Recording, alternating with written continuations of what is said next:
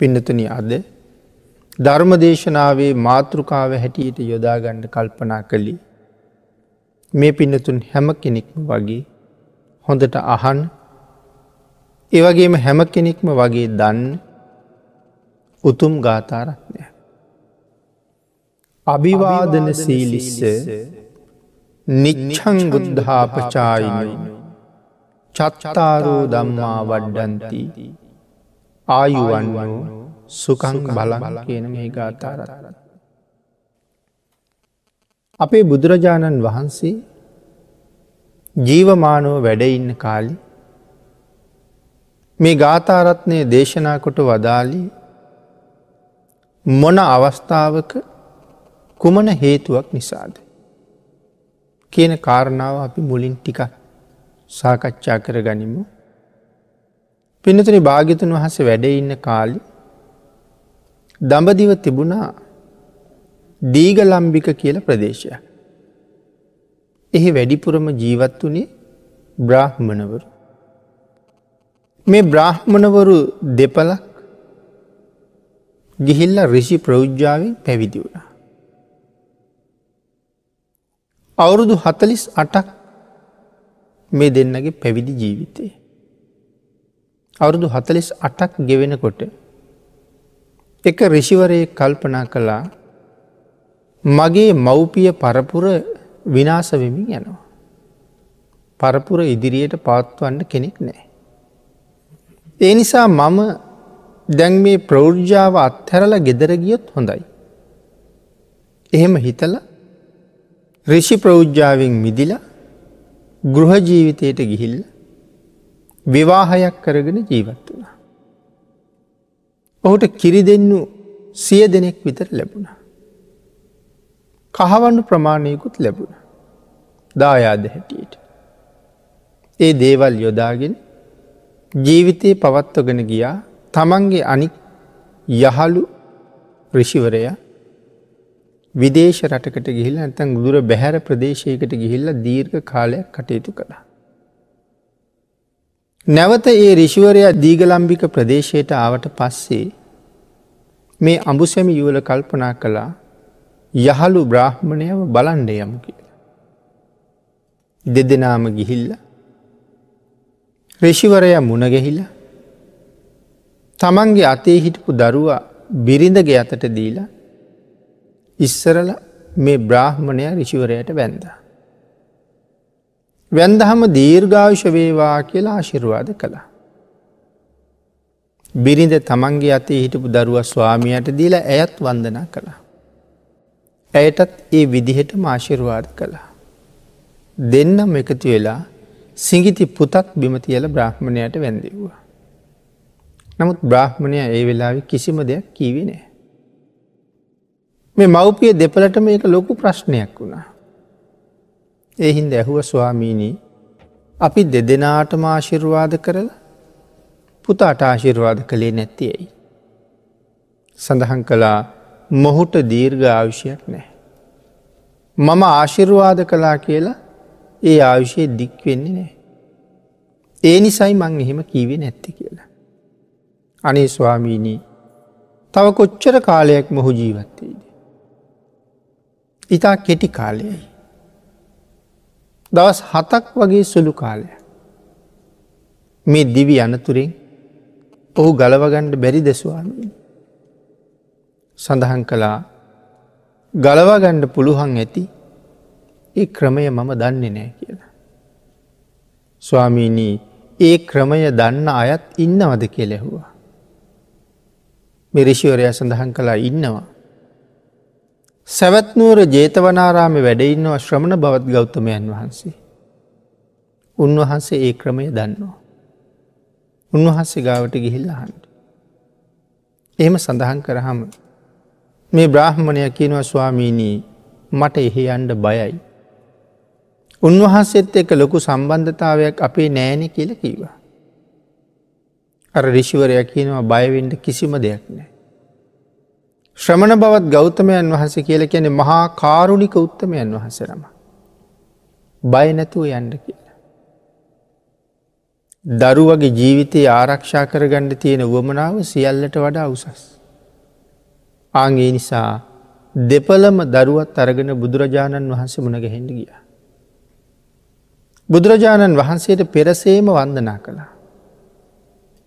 ඒ වෙලාවේ අබු සැමි දෙපලටම භාගිතුන් වහසේ ආශිර්වාද කළා. මේ අයි නැවත දරුවත් වන්දනා කරවලා බැලුව භාගිතුන් වහන්සේ මොකක් සඳහන් කරයිද. භාගිතුන් වහන්සේට නිශ්ශබ්දව හිටිය. ඒ වෙලාවේ බුදුරජාණන් වහන්සේගෙන් ඇහුව ස්වාමීණී ඇයි දරුවට ආශිර්වාද නොකළේ බුදුරජාණන් වහන්සේ අර බ්‍රාහ්මණය සඳහන් කරපු කාරණාවම රිෂිවරය සඳහන් කරපු කාරණාවම පැදිලි කළ. මේ බමුණට ඕන වුණා භාගිතුන් වහසගේ සරුවඥතා ඥානී තරම මැනගන්න.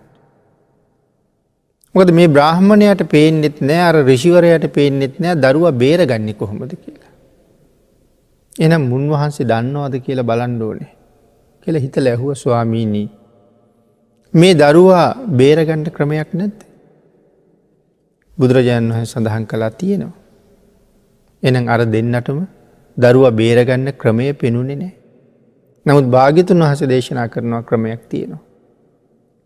අනේ ස්වාමීණී මොකක් දේ ක්‍රමය සඳහන් කරා බ්‍රාහ්මණය ඔබ ගෙදර ගිහිල්ල ගෙදර හොඳට අස්පස් කරලා පිරිසිදු කරන්න. ගෙදර අවට වටපිටාව සම්පූර්ණයෙන් හොඳට පිරිසිදු කරන්න.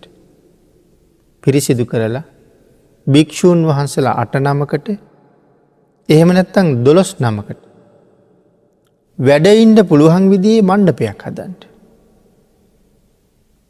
ඒ මණ්ඩපේ වැඩඉඳල මගේ ශ්‍රාවක භික්‍ෂූන් වහන්සේලා පිරිත් සජ්ගායනා කරයි.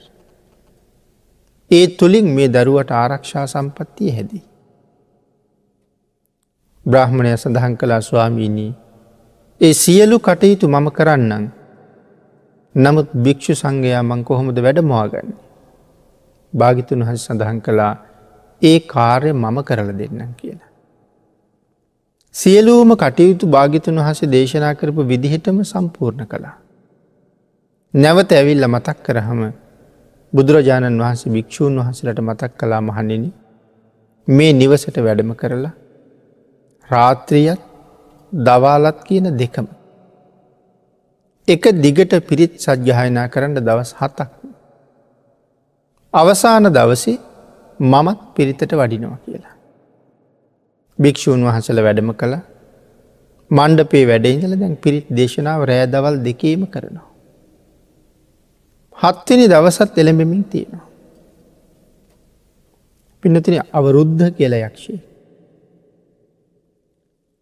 වෙසමුණි රජ්ජුරුවන්ට දාසය අවුරුද්දක් බැල මෙහෙවරකං කරලා. වරයක් ඉල්ලගෙන තියෙනවා නරබිල්ලක් ගන්ට. එතකොට වෙසමුණි රජ්ජුරුව කියල කියන්නේ කවුද. සතර වරං දෙවියන්ගෙන් එක්කෙනෙ. එතකොට යක්ෂයා වරයක් ඉල්ලන්නේ නරබිල්ලක් ගන්ට. වරේ දුන්නහම මොකද වෙන්නේ. ප්‍රාණගහතා කුසලයකට හවුල් වෙන්න සිද්ධ වෙනවා. නමුත් ඔහු මෙහෙම වරයක් කරන්ති. පිනතිනි දැන්න වෙසමුණි රජ්ජුරුව සෝවා නාරයන් වහන්සේ නම. ආර්යන් වහන්සේල කවදාවත් පව් කරන්නේ නෑ. එනම් අතිවුතුම් ඒ ආර්ය භාවය ලබන්ඩ කලින් මේ වරේ ලබල තියෙන් ඇති. දැන් එදා නරබිල්ලට හේතුවෙන්නේ මේ දරුවා මේ දරුව තමයි ආහාරයට ගන්න. අමනුෂ්‍යයන්ට වරයක් දෙනකොට දිනයක් සහ වෙලාවක් කියන්න ඕනෑ. එහෙම නැත්තං ඔවුන් ඒකින් සමහරලාට අයුතු ප්‍රයෝජන ගන්නවා. එතට මේගොල්ලන්ට දිනයක් සහ වෙලාවක් දුන්නහම ඒ දිනයට ඒ වෙලාවට ඒ බිල්ල ගණ්ඩ බැරිවුණොත් ආය ගණ්ඩ අයිතිවාසිකමක් නෑ. ඒ වෙලාවට කරන්න ඕන. ඉතින් හරියටම භාග්‍යතුන් වහන්සේ තත්වනි දවස වැඩියා. යක්ෂයත් ඇවිල්ල ඉන්න. යක්ෂ කියලකිවට මේ චාතුන් මහාරාජික පිරිස. වෙසමුණි රජ්ජුරුව යටතේ ඉන්නේ යක්ෂයින් ඇතුළුවයි. නමුත් භාගිතුන් වහසේ වඩිනකොට මහේෂාක්‍ය දෙවිවරු විශාල වශයෙන් වඩිනවා. මහේෂාක්‍යයන් ගැවසෙන තැන අල්පේසාක්‍යයන්ට වසන්ඩ බෑ. එනං ද මේ මහේෂාක්‍ය දෙවිවරු රැස්වෙන්ඩ රැස්වෙන්ඩ ඉහළ දිව්‍ය තලවලින් එන්ඩ එන්ඩ අර යක්ෂය ඇතුළු අල්පේශාක්‍ය දෙවරු ඈතට ඈතට ඈතට යන. බොහෝ ඇතට යන්ඩ සිද්ධ වුණා. ඒ තරම්ම මහේසාක්‍ය දෙවිය වැඩිය. භාගිතුන් වහන්සේත් පිරිත් දේශනාවට සම්බන්ධ වුණා. දැන් මහේෂාක්‍ය දෙවිවරු පිරිල නිසා යක්ෂයට එන්ඩ විදිහක් නෑ වරයට නියමිත දිනයයි වෙලාවයි පහුණ. එතනින් එහාට ආය ඒ බිල්ල ගණ්ඩ බෑ. පිරිත් දේශනාව නතර කළ සියලු කටයුතු නිමා වෙලා අර අඹුසැමි යුවලයි මේ දරුවයි ඇවිල්ල භාගිතුන් වහන්සට බැන්ද. අඹුසැමියන්ට ආශිර්වාද කලා වගේම බුදුරජාණන් වහන්සේ එදා දරුවටත් ආශිර්වාද කළා. ස්වාමීණී දැන් අපේ දරුව නිරුපද්‍රිතද දීර්ඝාවිෂ ලැබේවා කියලා ආශිර්වාද කරහම දැන් කොච්චර කාලයක් දරුව ජීවත්තෙයිද. එහෙම අහපුුව හම බුදුරජාණන් වහන්සේ සඳහන් කලා බ්‍රහ්මණය අවුරුදු එකසිය විස්සක් ආයු වලදනවා කියලා. දැන් බොහෝම සතුටුයි. අං ඒ නිසා ඒ පුතාට එතනඉදල නම තිබ්බා ආයු වඩ්ඩන කියලා. එතකොට මේ ගාථාරත්නය දේශනා කරන්න මූලාරම්භය හැදෙන්නේ මෙන්න මේ ආයු වඩ්ඩන කුමාරය නිසා. දැන් ජීවිතයට කරදරයක් නෑ.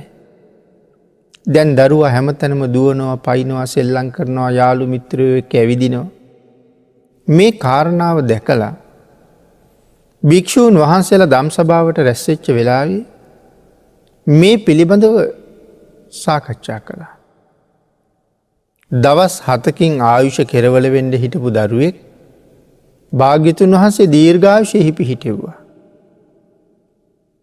එහෙමනම් මේ ලෝකයේ ආයුෂ ෂය වෙන අයගේ ආයුෂ වැඩි කරන ක්‍රමයක් තියෙන්ඩ ඕන නේද කියලා.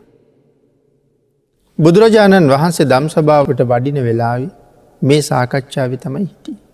මහනෙන මම වඩින්ඩ කලින් කුමන සාකච්ඡාවක තොප හිටියද.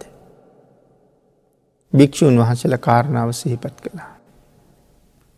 ආං ඒ වෙලාවි භාගිතුන් වහස දේශනා කළා මහනෙන එහෙම ආයු වැඩෙන ක්‍රමයක් තියෙනවා. ආයුෂයේ විතරක් නෙමෙයි වැඩෙන්නේ. මේ ක්‍රමය තුළ බල හතරක්ම වැඩෙනවා. කියන කාරණාව පැහැදිලි කරලා අපි මාතෘකා කරගත්ත මේ ගාථාරත්නය දේශනාකොට වදාලා.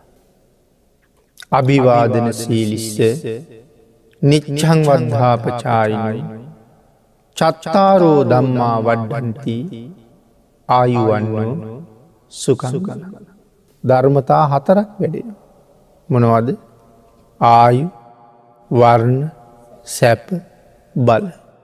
මේ ධර්මතා හතරම වැඩෙන ක්‍රමයක් මේ ලෝකේ තියෙනවා කියලා දේශනා කරන්න තමයි මේ ගාථාරත්නය එදා භාගිතුන් වහස දේශනා කොට වදාලි. සිල්වතුන් වදිනසුළු නිතර ගුණයෙන් වැඩිහිටියන් පුදන අයගේ ආයුෂයයි වර්ණයයි සැපයයි බලයයි වැඩෙනවා. සිල්වතුන්ට වඳින අයට තමයි මේ බලහතර දියුණු වෙනවා කියල සඳහන් කළේ. අගේ කාරණාව පැහැදිලි කරමින් භාගිතන් වහස දේශනා කරනවා මේ සිල්වතුන් වඳින්නා වූ කියල කිය හම කවුද මේ සිල්වතුන් වඳිනව කියල කියන්නේ කාට වඳිනවද. නිච්චං වද්ධාපචායිනු නිතර ගුණයෙන් වැඩි උත්තමයන්ට වඳින එක. එතකොට මේ බුද්ධාපචායනය වැඩිහිටියන්ට වඳින එක. කියන කාරණාවිදි පැහැදිලි කරනවා විශේෂයෙන් ජාතිවයෝර්ද ගෝත්‍රවයෝර්ද ගුණයෙන් වයෝර්ද වයෝර්ධ භාවය නිසාම වයෝර්ධ වන සහ ගුණවෘද්ධ ජාතිවෘද්ධ ගෝත්‍රවෘද්ධ වයෝවෘද්ධ ගුණවෘද්ධ වෘර්ධයෝ ඉන්නවා කී දෙනෙක්ද හතරදින. කාර්ද මේ ජාති වෘර්ධ කියල කියන්නේ. ජාති වෘර්ධ කියල කියන්නේ ලෝකය මුලින්ම හටගත්ත කාලි. ඉස්සරලාම බිහිවුණ මේ මනුෂ්‍ය සත්ව කොට්ටාසයක් ඉන්නවද. ඔවුන්ගේ පරපුර තවත් ඉදිරියට මේවාගේ පැවතිීගෙන පැවතිීගෙන එනවාද. ආංගේ අය ජාතිවෘර්දයි. මුලින්ම ඉපදිච්චායන දැන් ඒ අය දීර්ඝ කාලයක් ඉපදිලා පහළ වෙලා. ඒ අයට කියනවා ජාතිවෘර්ද. ගෝත්‍රවෘර්ද එක එක මනුස්ස ගෝත්‍ර තිබිල තියෙනවා. ආං ඒ ඒ ගෝත්‍රවල වයසින් ඉහලට ගියපු අය ගෝත්‍රවෘර්දයි.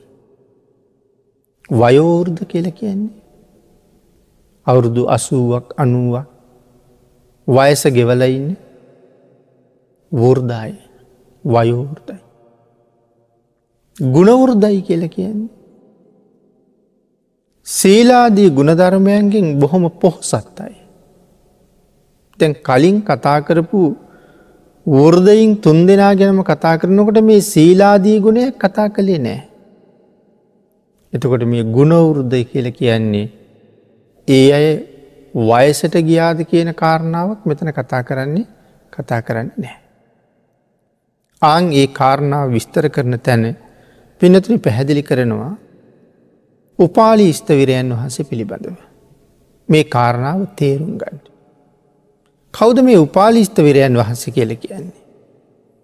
උපාලි ස්ථවිරයන් වහන්සේ කියල කියන්නේ කුලයෙන් කරණවෑමී. සාක්‍ය කුමාවරුරුත් එක්ක තමයි පැවිදිවෙන්.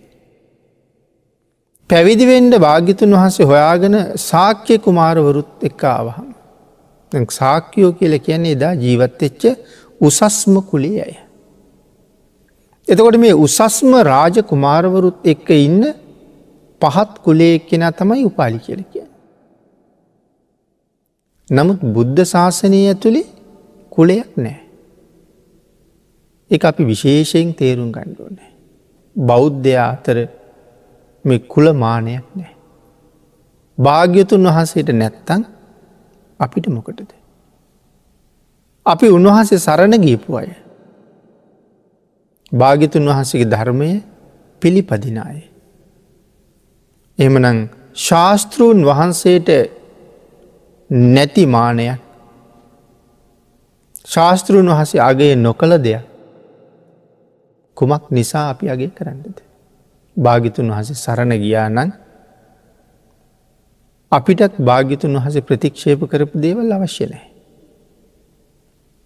එනිසා ශාසනයේ කුල ක්‍රමයක් නෑ. හැබැයි අසූ මහා ශ්‍රාවකයන් වහන්සේලාට වගේ තානාන්තර දෙනකොට. උසස්ම කුලයෙන් පැවිදි වෙච්චාය අතර අග්‍රස්ථානයේ ලැබිච්ච මහරහතන් වහන්සේ නමක් හිටිය. උසස්ම කුලයෙන් පැවිදි වෙච්ච. එතකොට ආයෙත් කතා කරන්නේ අපි මේ කියන කුලේ ගැනද. නෑ පිනතින එතන උසස්ම කුලේ කියල කියන්නේ අපි හිතනවට වඩා හුඟා උතුම් තැනක තියෙන දෙයක්. එතන උසස්ම කුලේ කියල කීවේ මේ හැසිරීම අපි කියන ආචාර ගෝචර සම්පන්න බව කියලා.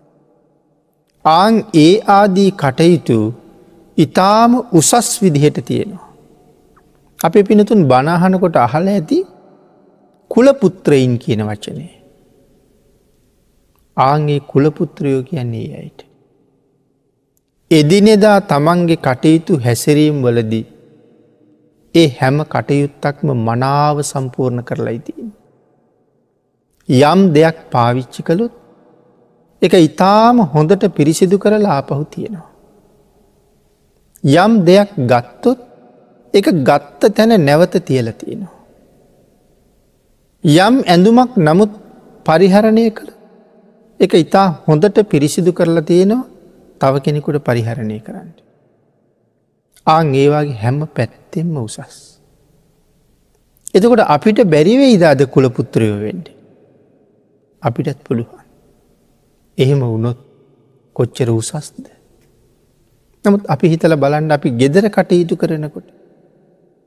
සමහර වෙලාවට අපි පාවිච්චි කරපු කෝප්පේ තව කෙනෙකුට පාවිච්චි කරන්න අවශ්‍යයි. නමුත් සමහරලාට අපි ඒක පාවිච්චි කරලා ඔහේ තියල යනවා. සමහට තේක පාවිච්චි කරල කිරිවීදුරුවක් බීල එක හොතර හෝදලත් නෑ. තව කෙනෙක් වතුර ටිකක් අරගෙන පානය කරන්න ගියහම කිරිවල තිබුණ දුර්ගන්ධය සමහරලාට මස්මාලු අනුභව කරලා අතින් අල්ලා ඊට පස්ස එන සිනි කොයිල්ල වගේ වතුර පාවිච්චි කරන්න ගත්ත අනික් පුද්ගලයට වතුර වීදුරුවත් එක්ක එපා වෙනවා. නමුත් තමන් පාවිච්චි කරහම නැවත ඒක සෝදලා පිරිසිදු කරලා සබංයොදල තේලගියහම අනික් කෙනාට මේක තව කෙනෙක් පාවිච්චි කරපු එකක්ද කියන කාරණාවත් ඉතා ගන්න බෑ. තමන් ආහාර අනුභව කරපු පිඟාන තාම හොඳට පිරිසිදු කරලා තියල ගියහම් අතට අල්ලනකොට තෙල්ගතිය දැනෙනවන පාවිච්චි කරපු පුද්ගලයට විතරක් නෙමෙයි ගෙදරාය ගැනත් කලකිරෙනවා.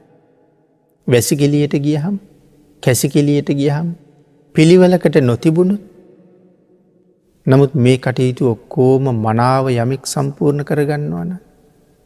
ගෙදර උපකරණයක් පිහියක් කැත්තක් අඩුවක් උදැල්ල හැම දාම තියෙන තැනින් අරගෙන මම කරන වැඩේ කරලා වෙන තැනක තියහම හදිස්සියේ තව කෙනෙක් ඒක හොයහම් හැම තැනම හොයන්ඩුවනේ. කාලය මිඩංගු කරන්නඩුවනේ. අනික් අයට අඩගහලා අහන්ඩෝනේ. එතකොට වෙන වැඩක හිටපු අය ඒ වැඩේ නවත්තලා ඉන්ඩුවන මේක හොයල දෙෙන්ට. කේන්ති ගණ්ඩුවනේ. බැනාට ගහන්ඩුවනේ. ඒ කිසි දෙයක් වෙන්නේ නැහැ. අනික් අයට පව්පිරෙන්න්නෙත් නෑ කාරණාව ඉවර වුණහම නිසි තැන තිීල තිබුණ. ආං ඒවාගේ උසස් කාරණාවල් ප්‍රතිපත්ති ජීවිතයට පුරුදු කරගත්තාම කුල පුත්‍ර කියන තැනට උරුමකං කියන්න පුළුවන්. මේ කතා කළේ ඒක වැටහෙන්ඩ සුළු කාරණා ටිකක් ඒ ගැන පැහැදිලි කරන්න මීට වඩා තව ගැඹුරු කරුණු ගොඩක් තියෙනවා. එතකොට උසස්ම කුලයෙන් පැවිදිුණ භික්‍ෂූන් වහන්සේලතර අග්‍රස්ථානයක් තියෙන්නේ මෙන්න මේ චාරීත්‍ර වාරිත්‍ර ආදී සීලයන් මනාව සම්පූර්ණ කරන නිසා. එහෙම නැතු අපි කතා කරන බ්‍රාහ්මණද ශස්ත්‍රියද වෛශ්‍යද ශුද්‍රද කියන කුල ක්‍රමය ගැන නෙමෙයි එතන කතා කරලති. එනම් උපාලි කියන කරණවෑමයා ඉස්සරල පැවිදි කළා. පැවිදි කරලා සාක්‍ය කුමාරවරු ලව්වා උපාලි භික්‍ෂූන් වහන්සේට වැන්දෙව්වා. දැන් වෙනදත් මේ සාක්‍ය කුමාර්වරු උපාලිට වැන්දද වෙනද වැන්දනේ. නමුත් අද වඳිනවා. මොකදද කරපු වෙනස සම්මා සම්බුද්ධ ශාසනයේ නියෝජිත භාවය ලබාගත්තට පස්සේ උසස්ම කුලේ කියල සලකපු අයත් වන්දනාමාන කරනවා. එතකොට අර සාක්‍ය කුමාරවරුන්ට වඩා මනා ගුණයක සීලයක පිහිටවලයි. ඊළඟට පින්නතින තවත් කාශ්‍යප භාගිතුන් වහසගේ ශාසනය. එක මානවකෙක් හිටියා ගටීකාර කියලා. ගටීකාර කියල කියන්න කුමල්කරුයි.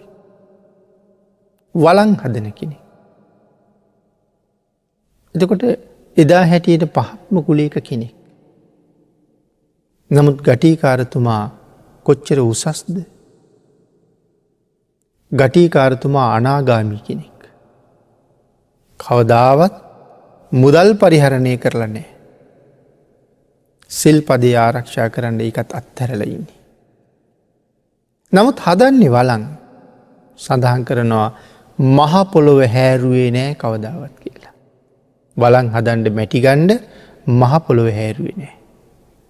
භාගිතුන් වහසේ ශික්ෂාපදයක් පනෝලා තියෙනවා උප සම්පදා භික්‍ෂූන් වහන්සේලාට. මෙ මහපොළොව හාරණ්ඩ තහන. යටත් පිරිසෙන් තැනක හිටගෙන නියපොත්තෙන්වත් ඇගිල්ලෙන්වත් මහපොළොව හාරණ්ඩ උපසම්පදා භික්‍ෂූන් වහස නම්කට තහනම් කරනවා.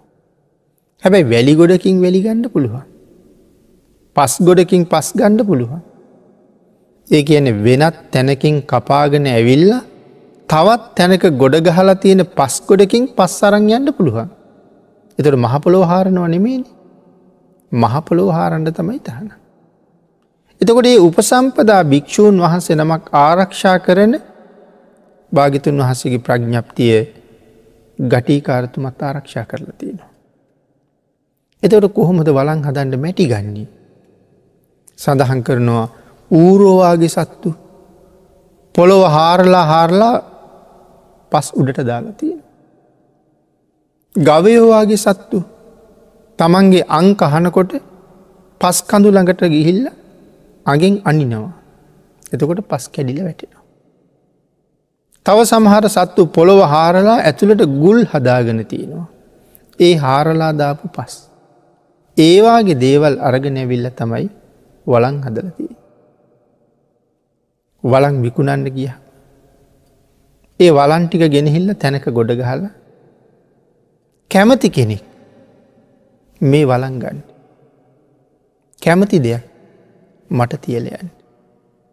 ඉතින් උයා පිහාගණ්ඩ අවශ්‍ය දේවල් ඒගොල්ලු එතන තියල තමන්ට අවශ්‍ය වලන්ටි කරගන්න.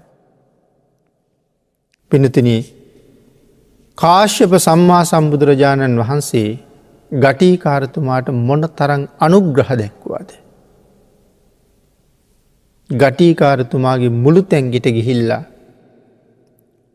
ආහාර උයල වහල තියෙන භාජන කටඇරල බුදුරජාණන් වහන්සේ විසින් ඒ බඳුන් වලින් පාත්තරයට දාන බෙදාගෙන වලදලා තියෙනවා. රජ මාලිගාවක සිටු මාලිගාවක ගිහිල්ලවත් එහෙම කරපු තැනක් ගැන කතා කරන්න දෙයක් කතා කරන්න තැනක් නෑ. මොන තරංනං අනුග්‍රහයන්. බුදුරජාණන් වහන්සේගේ කුටිය තෙමෙන වෙලාවි භික්‍ෂූන් වහන්සේලට සඳහන් කළේ මහනිනි ගටීකාරතුමාගේ වහලිට අලුත් පිදුරු සෙවිලි කරලා තියෙනවා. ගිහිල්ල අරං එන්න කිවා. අන්ද අම්මයි තාත්තයි ගෙදර ඉන්නේ. භික්‍ෂූන් වහන්සේල ගිහිල පිදුරු ගන්නකොට කෞුද කියලෙහවා. අපි භාග්‍යතුන් වහන්සගේ කුටිය සෙවිලි කරන්න පිදුරු අරගන්නේ. ස්වාමීණි ඇති තරංගණ්ඩ කිවා. ගටීකාරතුමායනකොට පිදුරු නෑවාලි. පැත්තකම නෑ. අහපු හම් සඳහන් කළා භාගිතුන් වහන්සගේ කුටිය තෙමෙන නිසා පුතේ පිදුරු අරගෙන ගියා කියලා. ගටීකාරතුමාට ඇතිවුණේ පුද්දුම සතුටක්. ධාරානි පාත වරුසාවැක් කෙරෙනවා ගටීකාරතුමාගේ ගේ ඇතුළට වැහි පොදක්වත් වැටෙන්නෑ කියල කියන්න. භාගිතුන් වහසගේ ආනුභාවී. බුදුරජාණන් වහන්සේ නිවසට වැඩියහම මහළු අම්මයි තාත්තයි කියනවා ස්වාමීණී පුතා කෑම උයලත් තියල වහල ගිහින් තියෙනවා. අපිට භාගිතුන් වහසට පිළිගන්වන්ඩ දෑස පේෙන්නෑ භාගිතුන් වහසේ අනුකම්පා කරන සේක්වා. බෙදාගෙන වලඳන සේක්වා කියලා. ලොවතුරා බුදු කෙනෙක් එහෙම කලා කියල කියන යමෙකුගේ නිවසේ කොහොම අනුග්‍රහයක් දප්ට තේරෙන්නේ. නමුත් මේ කුඹල්කරුවී. අපේ මහබෝසතාණන් වහන්සේ. එදා ජෝතිපාල මානෝක වෙලා ඉපදිලා හිටපු කාලි. ජෝතිපාල මානවකතුමාගේ හොඳම මිත්‍රයා ගටිකාරතුමා. කාශ්‍යප භාග්‍යතුන් වහන්සේ ළඟට ජෝතිපාල මානවකයා අරගෙන යන්නෙත් මේ ගටීකාරතුමා. භාග්‍යතුන් වහසේ ලෝකෙ පහළ වෙලා කියල කියනකොට යං වඳින්ට කියල කියනකොට මොකක්ද කීවේ. ඔය මුඩ මහනුන්ට වඳින්නෑ කියල කීවේ. නමුත් ගඟට එක්කරගෙන ගිහිල්ල නාල දැන් යං භාගිතුන් හස ළඟ ඉන්න කියලක හමත් බෑකිව. ඒ වෙලා විතමයි ඇදගෙන යන්න කටයුතු කළේ. නමුත් කල්පනා කලා මොහු කුඹල් කරුයි. මම උසස් වංශිකය. මොහු කොහොමද මම ඇදගෙන යන්නේ. නමුත් හිතුව මගේ මිත්‍රයා කවදාවත් මට මෙහෙම කරලා නෑ. අද මේ තරං දෙයක් කරන්නේ මට යහපතක්කු දෙසාමයි. භාගිතුන් වහසේ ළඟට එක්කරෙන් ගිහිල සඳහන් කලා ස්වාමීණී මේ මගේ මිත්‍රයා මොහුට දහමක් දේශනා කරන්න. කාශ්‍යප භාගිතුන් වහසේ ජෝතිපාල මානුවකට දහම් දේශනා කරහම් සඳහන් කළේ මිත්‍රය ඔබ යන්ඩ මගේ ආයේමක් නෑ. මං භාගිතුන් වහසළඟ පැවිදි වෙනවා කිව්වා. පැවිදි වුණා. අපිට බුදුරජාණන් වහන්සේ මුණගැහෙන්ට. භාගිතුන් වහසගේ ධර්මය අහන්ඩ අද මේ විදිහට ධර්ම දේශනා කරවන්ඩ ධර්ම දේශනා කරන්ඩ අවස්ථාව සැලසෙන්ඩ මේ ගටීකාරතුමා විශේෂ කාර්යක් සම්පූර්ණ කලා කියල කීවොත් පිනතින එතන වැරදිනය. හේතු අර කියාපු වචනේ මුඩ මහනුන්ට වඳින්නේ. ලොවතුරා බුදු කෙනෙකුට කියාපුයේ වචනී. මෙකත් සඳහන් කරනවා දේශ සිතින් කීව නෙමෙයි ශ්‍රද්ධාවෙන් මයි කීව කියලා. ඒ කොහොමද ශ්‍රද්ධාවෙන් කියන්නේ. කාශ්‍යප කුමාරයා අභිනිෂ්ක්‍රමණය කරලා බුදුනා කියල කියහම හිතුවේ එහෙම පහසුවෙන් බුදුවෙන්ඩ බෑ. ඒ නිසා මේ බුදුවරු නෙමේ වෙන්න ඇති. නමුත් බුදුරජාණන් වහන්සේට කියනකොට මුඩ මහනුන්ට වඳින්නේ කියලකි. අන ඒ නිසා ඒ කාරණාව කොයි තරං බරපතලද. ගටී කාරතුමා එදා ළඟට එක්කරගෙන ගිය නැත්තං ජෝතිපාල මානවක මරණයෙන් පස්සේ අවීචයට මයි යන්නේ.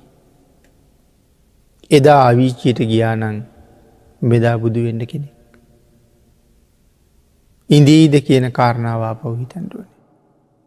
එතකොට මේ පාරමී ධර්ම ඉවර කරන්න තරං සම්පූර්ණ කරලා ඉන්න මහා බෝධි සත්වයකුටත් එච්චර බලපානවද බුදු කෙනෙකුට කියපු වචනේ. ඒ තරම්ම බලපානවා. එදාම ගිහිල්ල බුදුරජාණන් වහන්සේ මොන ගැහිල්ල සමාවාරගෙන මුළු ජීවිත කාලයම එතනින් පස්සේ බුද්ධ ශාසනය උදෙසා කැපකරපු නිසා නිරයෙන් බේරුණා මිසක් නැත්තන්ගේ කරුමය එත් තරම්ම බලවත්. එනම් අද සිල්වතුන්ට ගුණවතුන්ට එරෙහිව වචනයක් කියනකොට අපි දෙපාරක් හිතන්ඩ වෙනවා. දේශය කියන අකුසල කර්මය බොහෝම බලවත් කියල කියන්නේ අපිට දේශයක් ඉපදුන හම කවුරු එක්කද කතා කරන්නේ කාටද කතා කරන්න කියන කරුණු අමතක වෙනවා. මවටත් බනිනවා පියාටත් බනිනවා සංඝයාටත් බනිනවා සමහට ආර්යන් වහන්සේලටත් බනිනවා දේශය නිසා. අංගේ කරුණු යන විශේෂයෙන් හිතන්ඩුවන. ඒකයි දේශය මේ තරං භයානක කුසලයක් හැටියට භාගිතුන් වහස පෙන්න්න ලති. එදා සමාව අරගත්තත් මෙදා දුෂ්කරක් ක්‍රියාවක් කරන්න සිද්ධ වුණා. අවුරුදු හය සමහර දවසක වැළඳුවේ එක බත් ඇටයයි. තව දවසක වැළඳුවේ එක මුං ඇටයයි. තව දවසක වැළඳුවේ එක කඩල ඇටයයි. අපි පිනතුන් හිතන් රැකියාවට ගිහිල්ල එනකොට පාසලට ගිහිල්ල එනකොට එක මුං ඇටයක් තම්බලා පිඟානට බෙදල වහලා තියල තිබ්බොත් කොහොම තත්ත්වයක් ඇතිවීද කියලා. නමුත් පුළුහන්ද අද මුං ඇටයක් හෙට හාල්ලටයක් අනිද්දට කඩල ඇටයක් වළඳලා ඉන්ඩ. නමුත් මේ ගෙවාගෙන අකුසලේ අර එදා වචනයෙන් කරගත් අකුසලේක තවත් පලය. ඉළඟට පින්නතින ධර්ම දේශනාවට තියෙන කාලයක් නිමා වෙලා තියෙනවා. අපේ ශාසනයේ මහා කාත්‍යයන මහරහතන් වහන්සේ. එක තැනක වැඩඉන්නකොට කච්චායනයන් වහන්සළඟට එනවා එක බ්‍රාහ්මණය අන්ගේ බ්‍රාහ්මණ කණ්ඩහාරණ කියන බ්‍රාහ්මණතුමා. කාත්‍යයන් වහන්සළඟට එනකොට මහා කච්චායනයන් වහස නැගිටින්නේ බ්‍රාහ්මණයෝ කියල කෙනෙතු සස්ම වන්සයයි. ඉස්සරහට එන්නේ නෑ. පෙර ගමන් කරලා පිළිගැනීම් නෑ. අමුතුයෙන් අසුන් පැනවීම් නෑ. නමුත් මේ බ්‍රාහ්මණය කච්චායනයන් වහන්සේට චෝදන කරනවා. බ්‍රාහ්මණය උසස්සයි. ඔබලා උසස් අයට ගරු කරන්නේ කියල මං අහලා තියෙනවා. අද ඒක මං ප්‍රත්‍යක්ෂ කරගත්තා. කියල චෝදනා කරනවා. ආංගේ වෙලා සඳහන් කළා බ්‍රාහ්මණය මේ ගුණවෘද්ධ වයෝවෘද්ධ කියල කොටස් දෙකක් ලෝක ඉන්නවා. ගුණවෘදයා ඉතාම උසස් කෙනෙ. ශ්‍රේෂ්ඨ කෙනෙ. ස්වාමීනි කොහොමදේ ගුණවෘද බ්‍රාහ්මණය ඔබලා උසස් වන්සේ ඉපදුන. ගිහි ජීවිත ගත කරනවා. කාම සම්පත් පරිහරණය කරනවා. කාම සේවනය කරනවා. මේ ආදී නොයෙක් දේවල් කරන. නමුත් ඉතා ලාබාල වයිස නමුත් මේ ශාසනයට ඇතුල් වෙච්චාය උසස් සීලයක් සමාදන් වෙලා ඒ සිල් ආරක්ෂා කරනවා.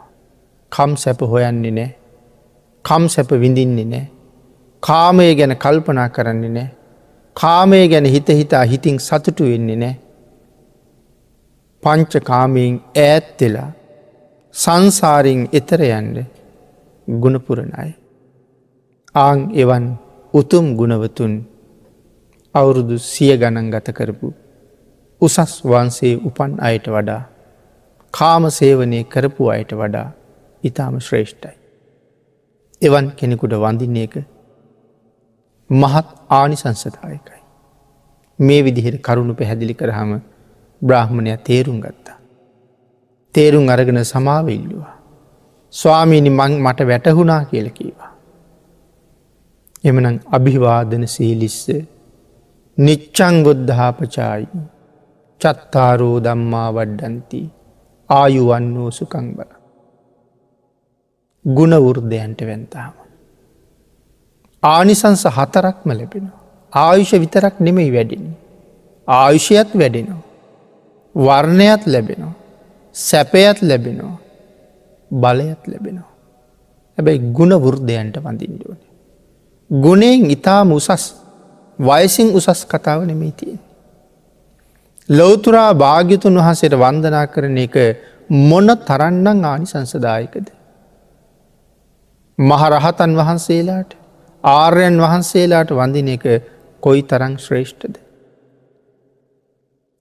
මේ මුළු ලෝකෙ ජීවත්වෙන සියලුම දෙනාට දන්දීල ලබනවන්න යම් ආනිසංසය. සඳහන් කරනවා ආර්යන් වහන්සේ නමකට වන්දනා කරලා ලබන ආනිසන්සේ හතරෙන් එකක්වත් අර සියලු දෙනාට දන්දීපික ආනිසන්සේ වටින්නේ කියලා. ඒ තරම්ම උසස් ගුණවතෙකුට වදින. අදත් ලොවතුරා බුදුරජාණන් වහන්සේට ජීවමාන සංඥාවෙන් කල්පනා කරලා චෛත්‍ය ළඟ බෝධිය ළඟ පිළිම වහන්සේ ළඟ වන්දනා කරලා අපිට කොයි තරං කුසල් ලබන්ඩ පුළුවන්. සැවැත්නුවර ජේතවනාරාමි සුගන්ධ කුටියට ඇතුල් වෙලා බුද්ධ රශ්මියයට මැදි වෙලා භාග්‍යතුන් වහස ළඟ දනගහල වඳින්ට ලැබුණනං කොහොමද වඳින්නේ ආං ඒ චේතනාවෙන් චෛත්‍ය ළඟ වන්දනා කළුත් සුගන්ධ කුටිය වන්දනාවෙන් ලැබෙන ආනිසන්සය අල්ප මාත්‍රයක් අඩුනෑ. බෝධීන් වහසළඟ වඳින්ට පුළුවන්නන් ඒ චේතනාවෙන් ඒ කුසලේ අල්ප මාත්‍ර අඩුවක් නෑ. සාමාන්‍ය කෙනෙක් කතා කරනවා වගේ ගල් ගොඩකොට පස් ගොඩකට මැටි ගොඩකට වැඳලා පින් සිද්ධ වෙනවද කිය ඇහුවොත් බැලූ බැල්මටම කාරණාව ඇත්තයි. චෛත්‍යී තියෙනෙ ගඩු පිළිම වහන්සගේ තියෙනෙ ගල් වැලි සිමෙන්ති ඉතින් පින් සිද්ධයනවද කිව්වොත් කාරණාව නොදන්න කෙනෙකුට ඇත්තයි. නමුත් ධර්මය දන්න කෙනෙකුට ඒ වචනය හාත් පසින් විරුද්ධයි. ඔහු දන්නවා මං වදින්නේ ගල් ගොඩට නෙමේ. මේ තුළින් නිර්මාණය කරන අපිට පෙන්වන අපි භාගිතුන් වහන්සේ. නිමක් නොමැති ඒ මහ ගුණ කඳ අදහගනයි මං මෙතන වන්දනා කරන්න කියන වන්දනාවෙන් ලැබෙන ආනිසන්සේ අසීමාන්තිකයි. එමන ඔබත් වඳින තැන සෙල්වතුන්ට ගුණවතුන්ට ඉතාම ශ්‍රද්ධාවින් ගුණගරුකෝ වන්දන කරන්න ඒක කවදාවත් අහක යන දෙයක් නෙවී. පිනතුනි ධර්ම දේශනාවට තියෙන කාලී නිමා වෙලා තියෙන නිසා. අපි දේශනාව මෙතනින් නිමා කරමු